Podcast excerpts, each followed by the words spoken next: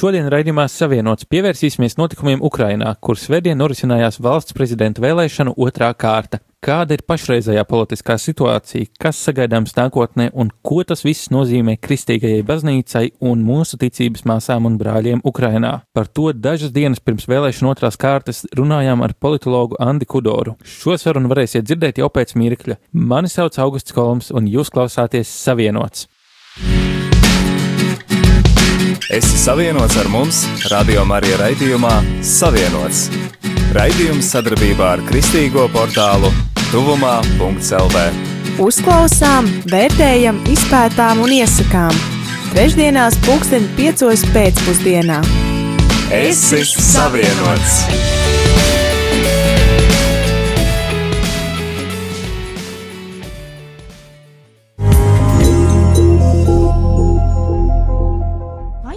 jūs interesējaties par notikumiem Ukrajinā? Mm, virspusē tikai tu dzirdēji, prezidenta vēlēšanas tagad bija un vairāk neko daudz nezinu. Interesējaties par, par Nu, tā īpaši nē. kāds ir nē. viedoklis, kas tur, kas tur notiek? Nu, tas, es esmu dzirdējis, ka jaunais prezidents ka viņš Mhm. kaut ko iespējams, ka viņi atbalsta oligārhi un varbūt ka viņš tā kā. Nu, neko īstenībā vairāk nezinu. Jā. Viņš tā kā jauns cilvēks politikā, laikam, ko atbalsta kaut kādi citi spēki. Tā vismaz es esmu dzirdējis. Vairāk neko vairāk nesmu. Kāds ir jūsu viedoklis?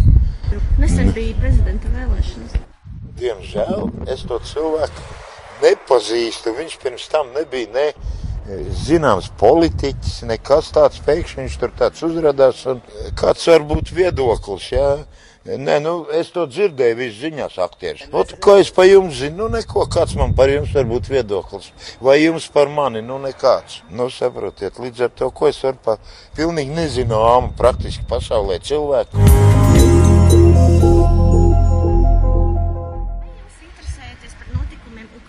Jā, es interesējos, un es principā sekoju līdzi vēlēšanām, un es neesmu pārsteigta, bet mans personīgais viedoklis ir, ka vēlētājs pavilkās seriālā redzētu, un, teiksim, tas prezidents, ko viņi ir ievēlējuši, drīzāk ir varonis no seriāla, bet kas viņš īsti ir, ne vēlētājs zina, ne arī pārējie. Līdz ar to es domāju, ka pilnīgi noteikti tām visām sekos vilšanās, jo aktieris ir aktieris, politiskās pieredzes viņam nav, neviens īsti nezina, kas ir viņa dienas kārtībā, un, teiksim tā, cerēt, ka prezidents izrādīsies tieši tāds labs varonis, kāds viņš bija seriālā, nu, ir visai naivi, nu, bet redzēsim, kas būs.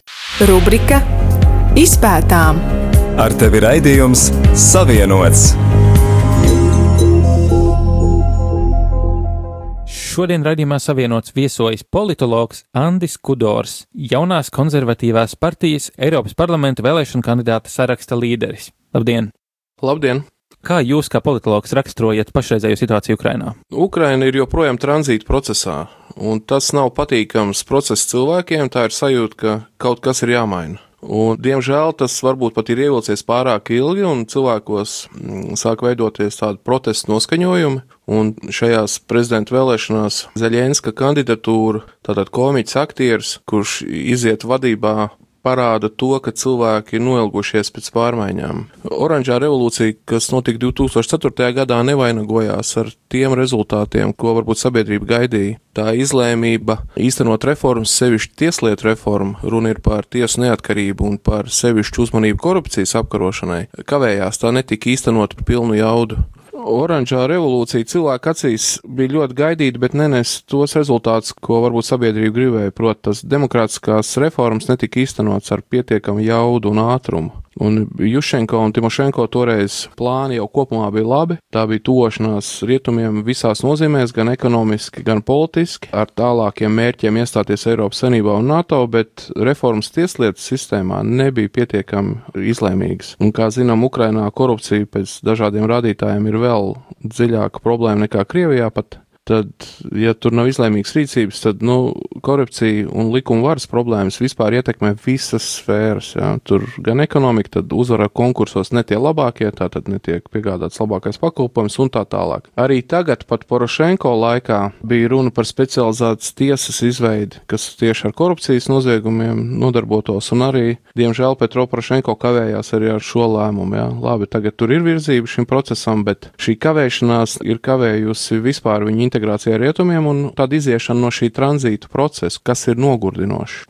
Skatoties uz valsts prezidenta vēlēšanu otro kārtu, kura šodien vēl ir gaidāma, tad norisināsies svētdien, raidījuma dienā tā jau ir notikusi, kādi ir iespējamie virzieni, iespējamie tālākie ceļi Ukrainai atkarībā no vēlēšanu iznākuma? Petro Porošenko saistās ar tātad zināmo ceļu, kas ir kopumā pro-eiropeisks, pro-NATO, pro-demokrātisks un arī korupcijas apkarošanas virzienā ejošs, varbūt joprojām nedaudz par lēnu, bet tomēr. Prognozējumība kopumā patīk rietumos, jā visi apmēram zina. Zaļinska kandidatūra teiks, priekšvēlēšana kampaņas laikā saistījās ar tādu, teiciens, melnais zirdziņš, tas nozīmē, nav zināms, ko darīs tiešām. Problēmas ar politiskā darba pieredzes trūkumu lika uzdot jautājumus, tad mēs redzējām, kā Zaļinskas izvairījās no publiskām diskusijām, tur mēģināja visus tādu šovu vilkt, bet ne uz nopietnām diskusijām. Viņu var saprast, ja viņš zina, ka jāaizies runa par kaut kādām detalizētām lietām politikas vai ekonomikas, nu viņam būs grūti tad ar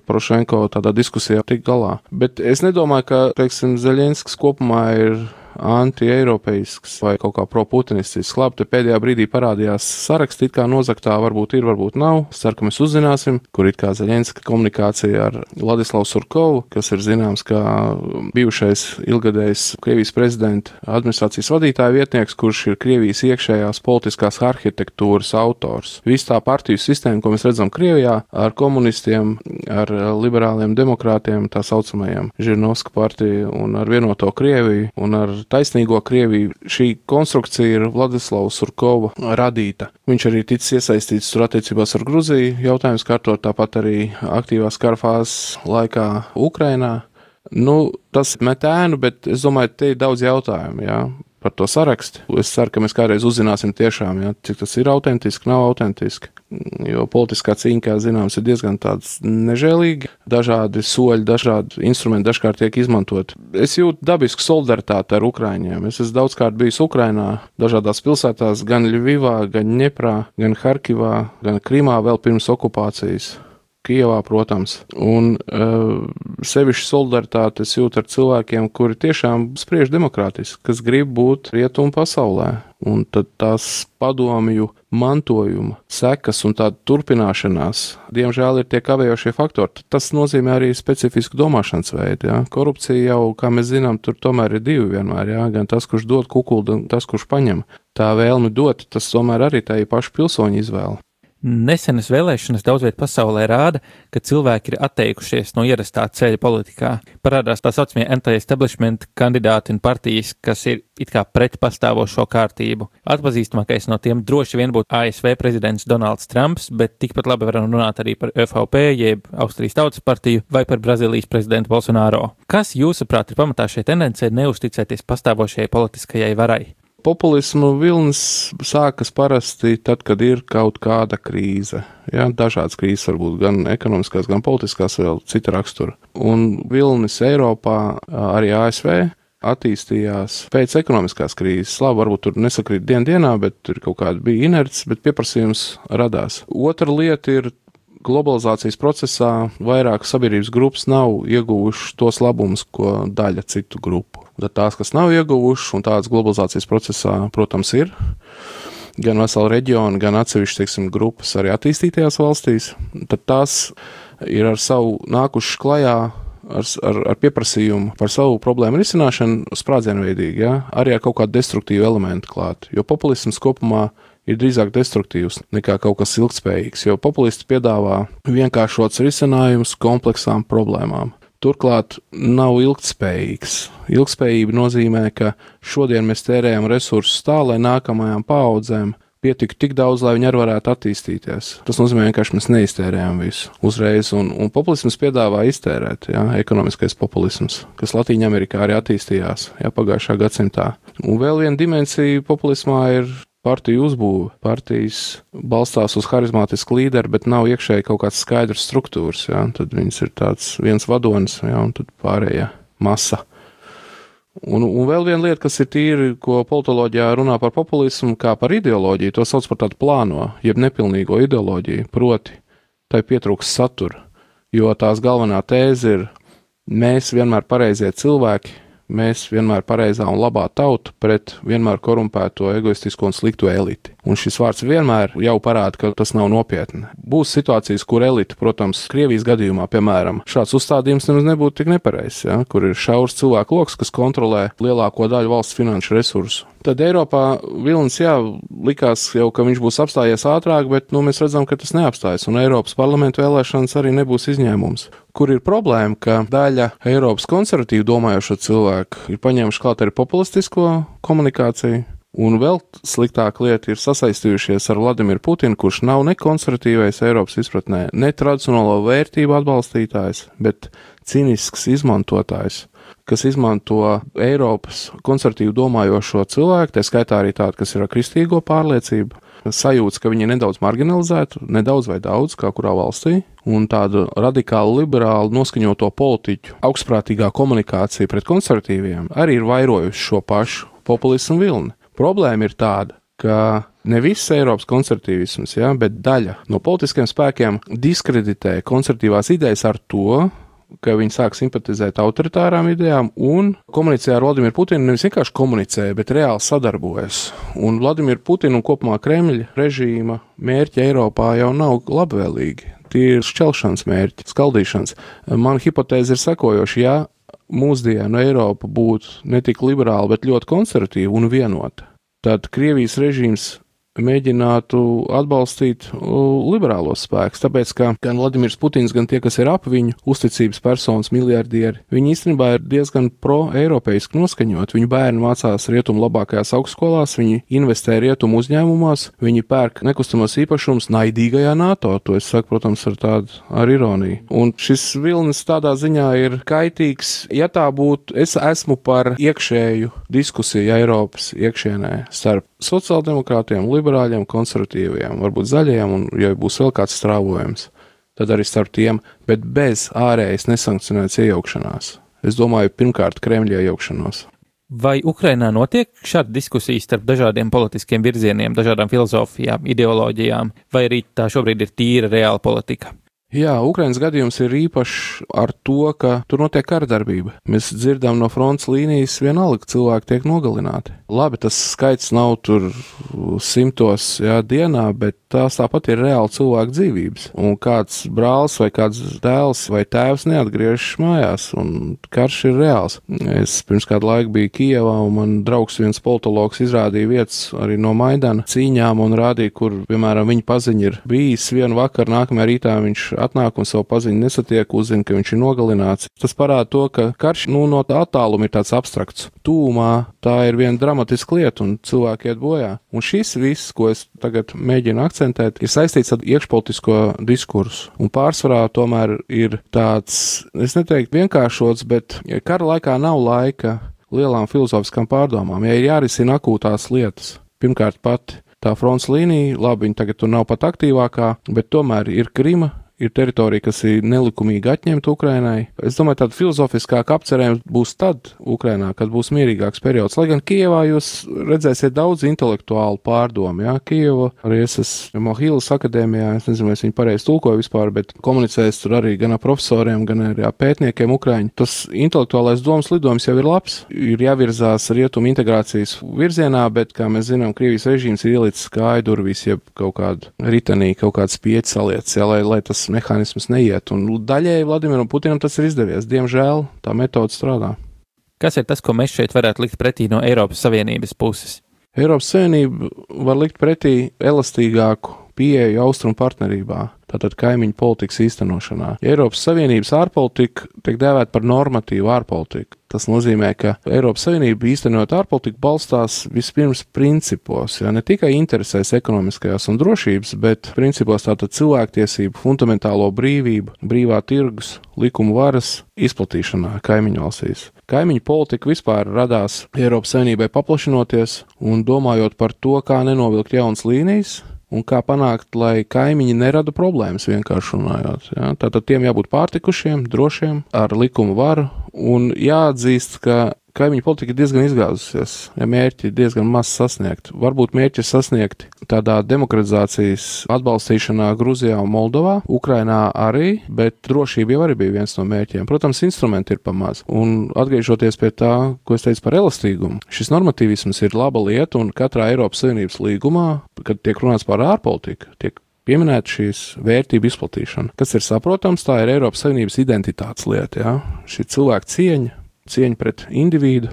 Un likuma vara. Tad ir citi spēlētāji. Sistēma nav slēgta. Ir citi spēlētāji. Austrumu virzienā tā ir Krievija vispirms. Labi, Ķīna arī ar vien aktīvāk. Tad, nu, tuvojas austrumos arī kaimiņu politikai ir arī dienvidu virziens. Ja? Tā tad ir tā Ziemeļāfrika un tuvu austrumu valsts. Tur atkal būs citi kairinātāji un tādi izaicinātāji. Tā būs Irāna. Turcija nevienmēr viennozīmīgi vērtējama. Protams, Turcija labi palīdzēja migrācijas krīzes risinājumā. Un šī migrācija kontrole vispār jārisina pēc iespējas nevis Eiropas Savienības iekšienē, bet ārpus. Ja? Tātad tā skaitā arī kaimiņu politikas mērķu valstīs. Ukrainā un, piemēram, tā pati Baltkrievija un Armēnija, kas arī ir tātad kaimiņu politikas mērķu valstis no Eiropas Savienības puses raugoties. Krievija ir rīkojusies kā strateģiskais spēlētājs, nevis kā normatīvais. Tātad nav nosacījumi, ir tas angļu valodā conditions, ja, conditionality. Tātad Eiropas Savienība piešķir finansējumu kaimiņu valstī, ja tā veids tādas un tādas demokrātiskās reformas reformas. Tātad tas iedvesmai tiek finansēts. Nu, jau, bet, ja jūs reformas neiztenojat, tad nav. Un tad Eiropas Savienības klātbūtne un sadarbība ir maz. Šis ir Baltkrievijas gadījums. Krievija vienlaikus neuzstāda nekādas nosacījumus, līdzīgi kā Ķīna demokrātijā. Viņi pārpērk strateģiskos uzņēmumus, kļūst arvien ietekmīgāk tajās valstīs, kā Armēnijā, piemēram, arī līdzīgi kā Baltkrievijā, arī Armēnijā energo sektorā gandrīz viss pieder Krievijai. Vienalga vai Gazpromam vai kādam citam, teiksim, uzņēmumiem. Lūk, un kas sanāk? Kamēr Eiropa gaida un runā par to, cik labi būtu, ja tās valsts tad būtu drošas, pārtikušas un demokrātiskas, tikmēr Krievija tur rīkojas strateģiski un ietekmē šīs teritorijas no savas perspektīvas. No vienas puses šis normatīvisms ir saprotams, no otras puses tas ir kavējoši, ja runa par nevis slēgtu sistēmu, bet atvērtu, tātad, kur nāk citi spēlētāji un strādā ar citiem nosacījumiem. Tāpēc es vēlos redzēt elastīgāku Eiropas Savienības kaimiņu politiku ar strateģiskāku nostāju. Tāpat jau Krievija apsūdz nepārtraukt Briselu un Eiropas Savienību kopā, nu tā tagad tur sagrāb būs Ukraina un ak, vai cik viltīgi ir rīkojusies. Principā ir otrādi. Kaimiņu politika ir bijusi birokrātiska bieži vien, tāda bez stratēģijas, bez kalkulācijas. Ja, par to pašu Ukrainu viņi neizkalkulēja arī tomēr objektīvās problēmas, kas rodās asociācijas līgumu parakstot, ja, es domāju, Donbasā. Un tāda virspusēja pavirša pieeja nav veicinoša mieram un attīstībai šajās valstīs. Kā jūs vērtējat Eiropas Savienības iespējas vispār veidot vienotu ārpolitiku, ņemot vērā, ka Vācija devusi atbalstu Nord Stream 2 cauruļvadu būvniecībai, kas ļauj Krievijai apiet Ukrainu? Jā, Dānija nedod Krievijai nepieciešamu atbalstu, bet iztrūkst vienot ārpolitikas virziena. Kā šādā situācijā mēs, kā vienot Eiropas Savienību, varam efektīvi vērsties pret Krievijas rīcību? Jā, nu, Nord Stream 2, jeb Ziemeļstrauma, jā, divi projekts nav labvēlīgs Eiropas Savienības enerģētiskai drošībai vārdu neatkarību nevar īsti lietot, ja neatkarība būtu tad, ja pietiktu pašiem ar saviem resursiem. Nu, drošība tas nozīmē diversifikāciju, piegāžu diversifikāciju. Un tādā ziņā Vācijas lēmums īstenot Nord Stream 2 ir pretrunā ar tādu kopējo Eiropas Savienības izpratni par enerģētisko sfēru. Vācija vispār ir spēcīgākais spēlētājs arī Eiropas Savienības kaimiņu politikā austrumu virzienā, un viņi var ietekmēt uz labu vai uz sliktu. Angela Merkel kanclere, tad, kad protesta balss izskanēja gan no Baltijas, gan no Polijas, gan, protams, jo sevišķi no Ukrainas par Nord Stream 2, tad viņas tā nostāja bija, nu, labi, labi, mēs runāsim ar Krieviju, lai kaut kāda daļa gāzes tomēr iet caur Ukrainu. Nu, redzēsim, cik tas ir reāli. Dānija ar savu soli, ka aizliedz savās teritoriālajos ūdeņos, es tagad negribu samalties, vai ekonomiskos ūdeņos laist cauri šo Nord Stream 2, tas ir spēcīgs žests, bet tur fiziski ir iespēja, tur vienalga paliek. Un netik izdevīgs tad maršruts būs, bet joprojām Gazpromam būs ceļš, kur izbūvēt to. Bet es katrā ziņā vienalga esmu pateicīgs Dāņiem kaut vai par simbolisku aktu, kad viņi nostājās tādā solidaritātē ar Ukrainas pusē. Ja nebūtu Eiropas Savienības, tad mēs te daudz nevarētu par šo runāt. Nu, Vācija izvēlās kādu politiku grib, kādu vēlās, jā, divpusējā līmenī. Bet, ja mēs runājam par citiem jautājumiem, kur tad mums jābūt solidāriem savā starpā, tad kur ir Vācijas solidaritāte ar Ukrainu tagad? Ekonomiski ietekmīgās Eiropas Savienības valstis, diemžēl, dažkārt neseko saviem vārdiem, tad, kad ir runa par viņu nacionālām interesēm. Problēma ar Vāciju bija tāda, ka pēc Japānas atomelektrostacijas avārijas Vācijā izlēma atteikties vispār no kodola enerģijas. Es domāju, tas ir viens no svarīgiem problēmu faktoriem. Un es nezinu, kā viņi līdz tam aizgāja. Līdz šim Vācijas šīs stacijas, ja viņu ir daudz, bet viņas ir drošas. Japānā tomēr tur ir klimata jautājums arī, ja? tsunami un vispārējās lietas. Es, nu, diemžēl tas vairoja Vācijas atkarību. Nu, labi, viņi arī būvēja sašķinātās gāzes terminālu, tātad tas ir labi, ja? Nu, ASV ir gatavi tirgot. Es gribētu redzēt tādā Latvijas interešu kontekstā, protams, ka mēs pērkam un citas Eiropas valsts pērk no Amerikas Savienotām valstīm. Tas ir strateģiskais partners mūsējos. Ir labi šo transatlantisko saiti stiprināt ne tikai ar militāro sadarbību, bet arī ar ekonomisko. Es ceru, ka tirdzniecības līgums kaut kad tomēr tiks noslēgts starp ASV un Eiropas Savienību. Labi, jā, ar visām mūsu atrunām, ar mūsu uztraukumiem par ģenetiski modificēto pārtiku un tam līdzīgi, jā, tam jāatbilst mūsu interesēm, bet tomēr līgumu vajag. Pēc mirkļa turpināsim sarunu, pievēršoties aktualitātēm Ukrainas baznīcā un Ukraiņu ikdienas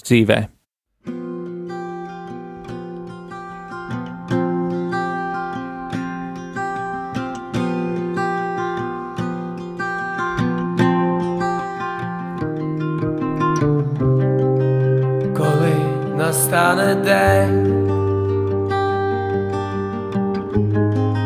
закінчиться війна, там загубив себе, побачив аж до дна.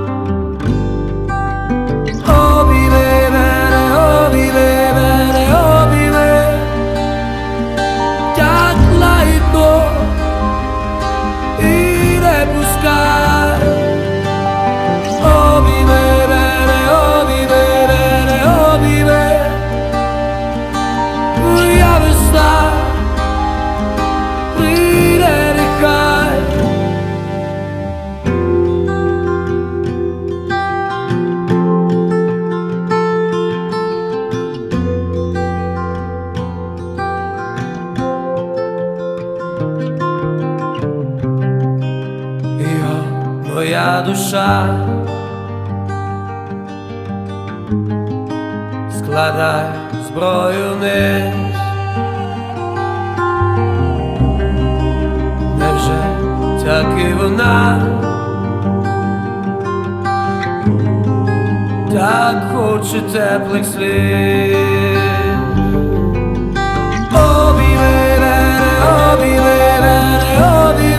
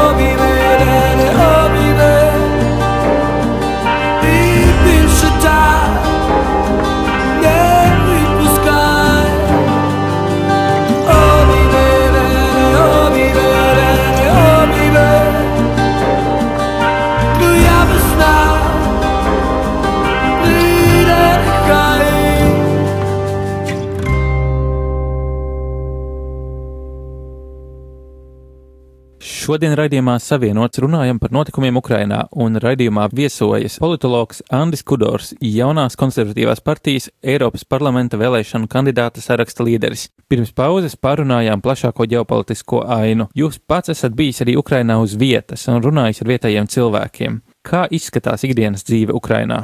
Atkarībā no kā kurā pilsētā, kā kurā reģionā, bet kopumā, protams, tad, kad mēs te sabēdājamies par savu ekonomisko labklājību, ka mēs neesam turpat, kur zviedri, varbūt vai vācieši, tad, tad kad es aizbraucu uz austrumu partnerības valstīm, atgriežoties Latvijā, es vienmēr saprotu, es esmu atbraucis atpakaļ uz turīgāku zemi. Tad varbūt kritika par mums pašiem samazinās, saprotot, ka mēs tomēr esam no bijušajām PSRS republikām izraujušies, Baltijas valsts ir izraujušās tālu priekšā gan demokrātijas ziņā, gan arī ekonomiskā attīstībā. Bet ņemot vērā, ka mums nav nesevišķi daudz par kaut kādu derīgo izrekteņu vai citu lietu. Lūk, man ir paveicies, esmu bijis vairākās nozīmīgajās Ukrainas pilsētās, gan Kijevā, gan Ļuvivā, gan Harkivā, gan Ņeprā, kas bija slēgtā pilsēta padomu laikā, jo viņi ražoja raķešu dzinējus gan Simfonopolē un Jaltā un Sevastopolē, kamēr vēl nebija Krīma okupēta. Krimā tās sociālās problēmas bija vēl lielākas nekā, teiksim, piemēram, Kievā vai Ļuvivā. Un bija, toreiz es vēru, tas bija 2011. gadā šķiet. Es biju vienā zinātniskā konferencē,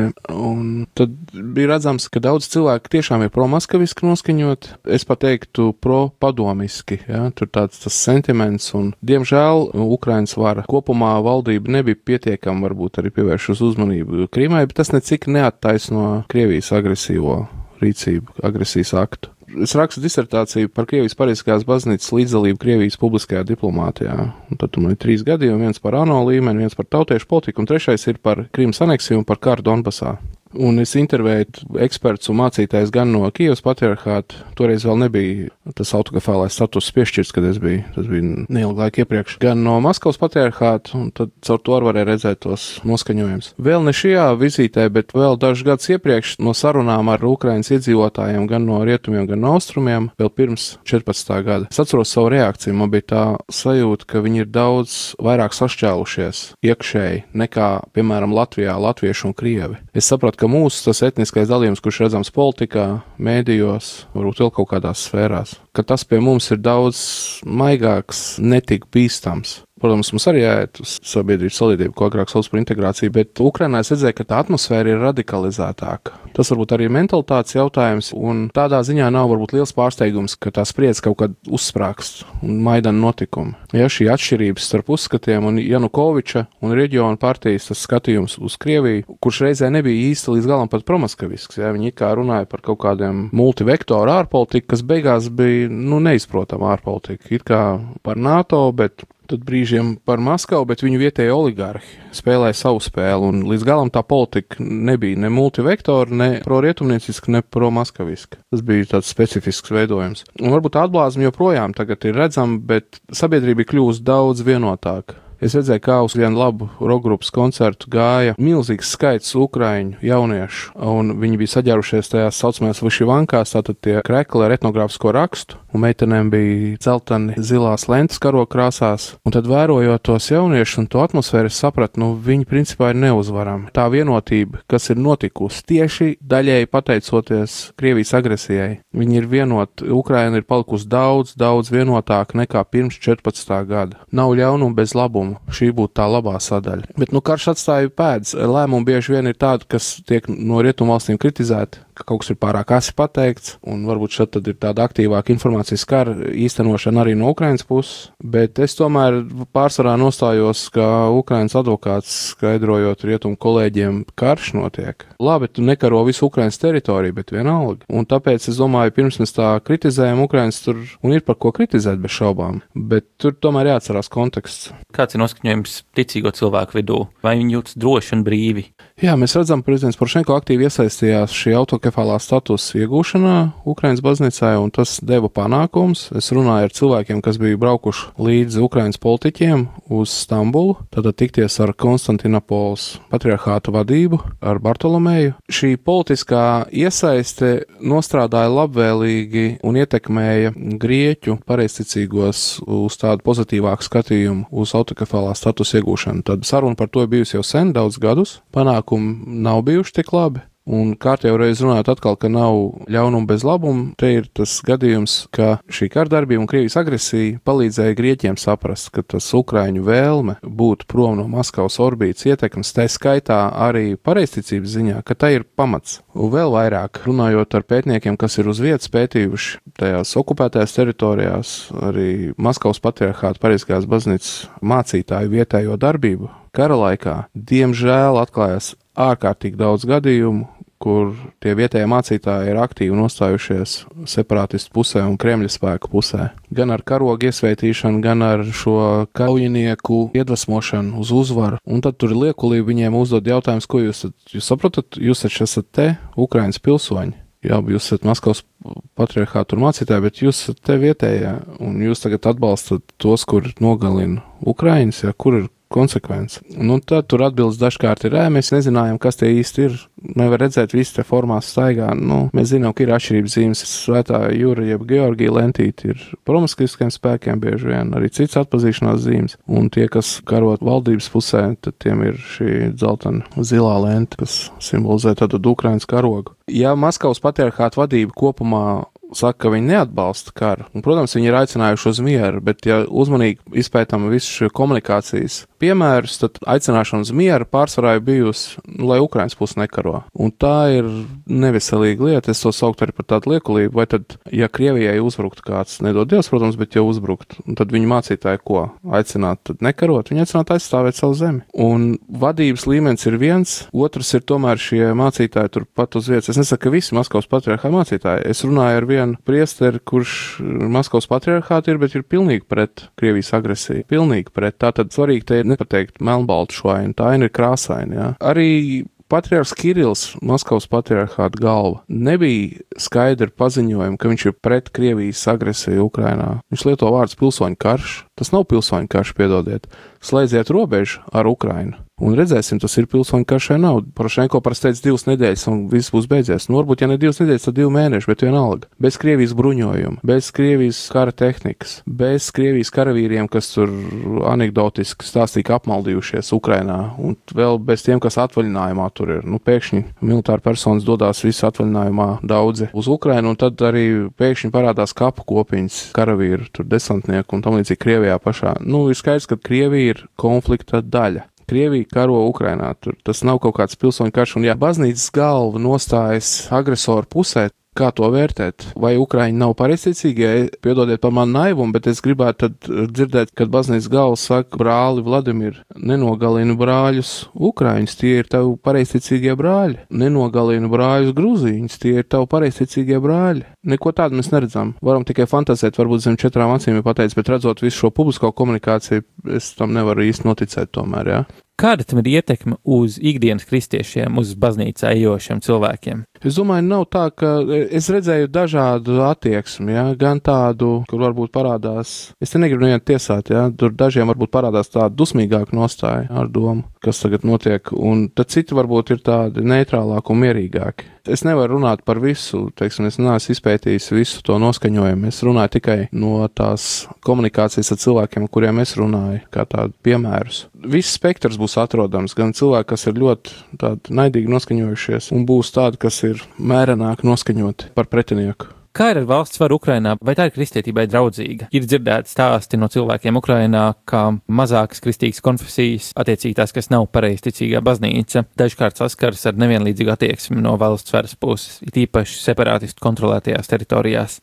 Es domāju, ka kopumā Ukrainas valdība virzīsies uz tādu reliģijas brīvību, bet domāju, tur arī ceļš ejams, ja ir kaut kāda inerts un ierastās lietas. Tas, ka Petro Parašenko iesaistījās diskusijā par autokefalā statusu piešķiršanu no tāda reliģijas brīvības principa, tika kritizēts. Jā, bija cilvēki, kas kritizēja, kāpēc tagad var iesaistās aktīvi risināt kaut kādas konfesiju jautājumas, kas būtu jāsāja pašu konfesiju ziņā. Un, ja tas būtu miera laikā un nebūtu blakus revanšistiskā Krievijas režīma, tad es teiktu jā.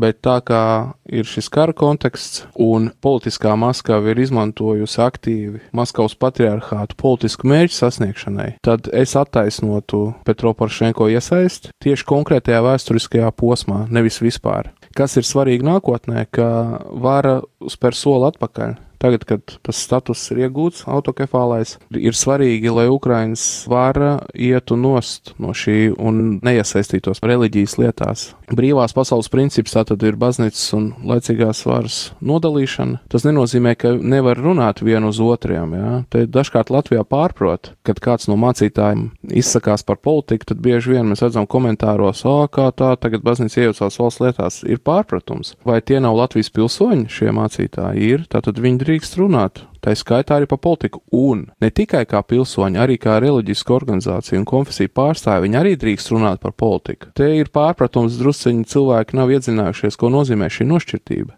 Mums visiem ir tiesības runāt un izteikt savu viedokli par lietām, bet ir kaut kāda cita robeža jā, par darbību un par pieprasīšanu. Tad te gan jāuzmanās, jā, jo es domāju, reliģijas brīvības kontekstā Ukrainai tomēr vēl ir ceļš ejams. Kas ir kopumā, sevišķi Maskavas patriarchātā, ir tāda neiecietība pret citām konfesijām, kristīgajām. Piemēram, es iegāju Sanktpēterburgā veikalā, tas ir mazs piemērs, bet tomēr kaut ko rāda, un bija grāmatu plaukts, no attāluma es redzēju uzrakstu kristietība. Man šī tēma interesē, es gāju skatīties, kādas ir grāmatas pieejamās. Un man par pārsteigumu visas grāmatas bija tikai par pareizticību. Nu, tad, manuprāt, jāraksta pravoslāvijā augšā pareizticība. 1997. gada likums par reliģiskām organizācijām Krievijā nosaka, ka viņiem ir četras tradicionālās konfesijas reliģiskās. Tā ir pareizticība, tas ir jūdaisms, budisms un islāms. Un būtiski nevis vienkārši kā kristietība, bet pareizticība. Un šis, manuprāt, nav veselīgi. Šī agresīvā nostāja pret citu konfesiju darbību Krievijā, tā nav demokrātiska. Es arī no reliģijas puses neredzu to, kāpēc ir jābūt agresīviem.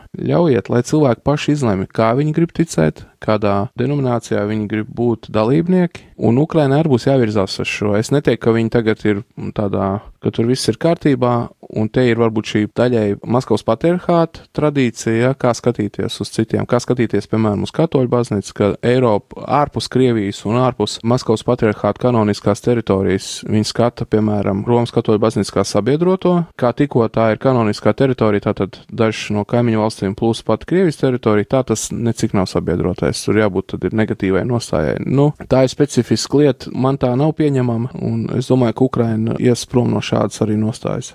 Kāda ir situācija ar vārda brīvību? Vai mācītāji no kanceles var brīvi runāt, vai arī šeit jūtama tāda politiska ietekme, ņemot vērā notiekošo karu? Ir kaut kāda maza ekscesa bijuši, varbūt, kad ir kaut kādi aktīvisti mēģinājuši kaut kā ierobežot vienu vai otru patriarchātu darbību, jā. Nu, mācītāju tur darbību un kaut kad par ēkām, bet dažkārt tu nevar saprast īsti informācija nav droša, jā. Kāds kaut ko atstāst, kur tur, kurš ir sakāvies, kas ko ir izdzinis no baznīcas, es raugos uz to piesardzīgi, jo, nu, jābūt no drošiem avotiem, jo šīs lietas ir sensitīvas. Bija mēģinājumi ar Maidanu laikā provokācijas īstenot. Bija grupa cilvēku, kas nāca to Kievas Pečorska lauru. Es neesmu pārliecināts, kas viņi pareizi tagad to nosaukumu pasaka, bet tā ir viena no tāda centrālajām pareizticības vietām Kievā, kas ir Maskavas patriarchāta pārziņā. Un tad nāca no Maidana it kā cilvēki, kas tagad pārņems viņu jau uz Kievas patriarchātu. Tas ir vēl pirms autokefālā status. Un tur, kas man iepriecināja, notika ātra komunikācija reāli starp konfesiju pārstāvjiem, sazvanīšanās un komunikācija ar Maidana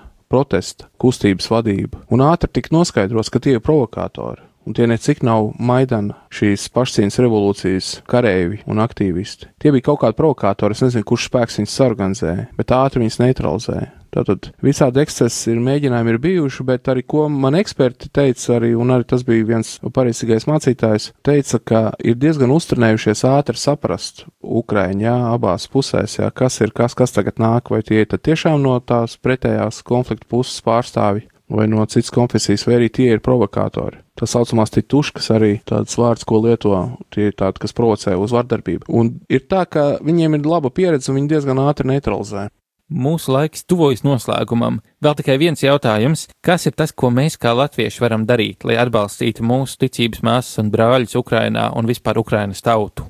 Es pat plašāk ņemtu to, ka Eiropas Savienībā ir svarīgi neļaut, kā ārējie spēki nesankcionēti iejaucas mūsu leģitīmā diskusijā par mūsu politiskajām vērtībām - liberāli, sociāldemokrātiski, konservatīvie. Te ir jābūt mūsu iekšējai diskusijai un jāuztur reliģijas brīvība. Tas būs miera faktors. Visi citi var veidot kaut kādu sāsinājumu. Tad par Ukrainu ārpolitiski ir svarīgi Baltijas valstīm un Polijai, tiem, kas vairāk saprot, kas notiek Ukrainā, atgādināt mūsu rietumvalstu partneriem lai neaizmirst par šo situāciju. Tas ir starptautisko tiesību principu rupšs pārkāpums, Krīmas aneksija, un mazajām valstīm, tādām kā Latvija, ir principiāli svarīgi turēties pie starptautisko tiesību principiem un atgādināt pārējiem, ka pie tiem jāturas. Ja nē, otrs variants ir spēka politika, kad spēka centri, reģionālās varas sadala pasauli, un viņi dara kā grib kaimiņu valstīs, īstenojot savu tā saucamo ekskluzīvo interešu politiku. Šis mums nav izdevīgi, tāpēc atgādināt par Ukrainu rietumos ir, es ticu, mūsu tāds labs gribas žests.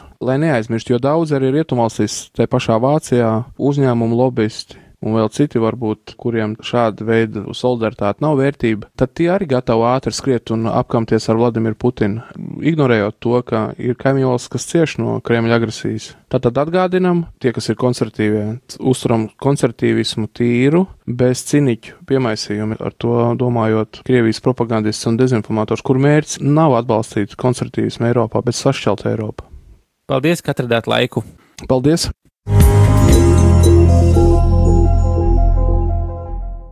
Šodien raidījumā savienots viesojās politologs Andris Kudors, jaunās konservatīvās partijas Eiropas parlamenta vēlēšanu kandidāts saraksta līderis, Twitterī at Andris Kudors. Aicinām arī klausītājus dalīties savās pārdomās par šodien dzirdēto. Rakstiet kristīgā mēdīja tuvumā LV redakcijai uz e-pasta adresi redakcija at tuvumā LV. Mūs var atrast arī sociālajos tīklos - Facebook kā tuvumā LV un Twitter kā at tuvumā. Mums ļoti interesē, kas jums ir sakāms. Jūs klausījāties raidījumu savienots uz tikšanos nākamajā raidījumā jau pēc divām nedēļām. Tu klausījies raidījumu Savienots. Būsim atkal ēterā trešdien, pulksten piecos pēcpusdienā. Klausies mūsu radio Marija un lasi kristīgo portālu tuvumā.lv. Es esmu savienots!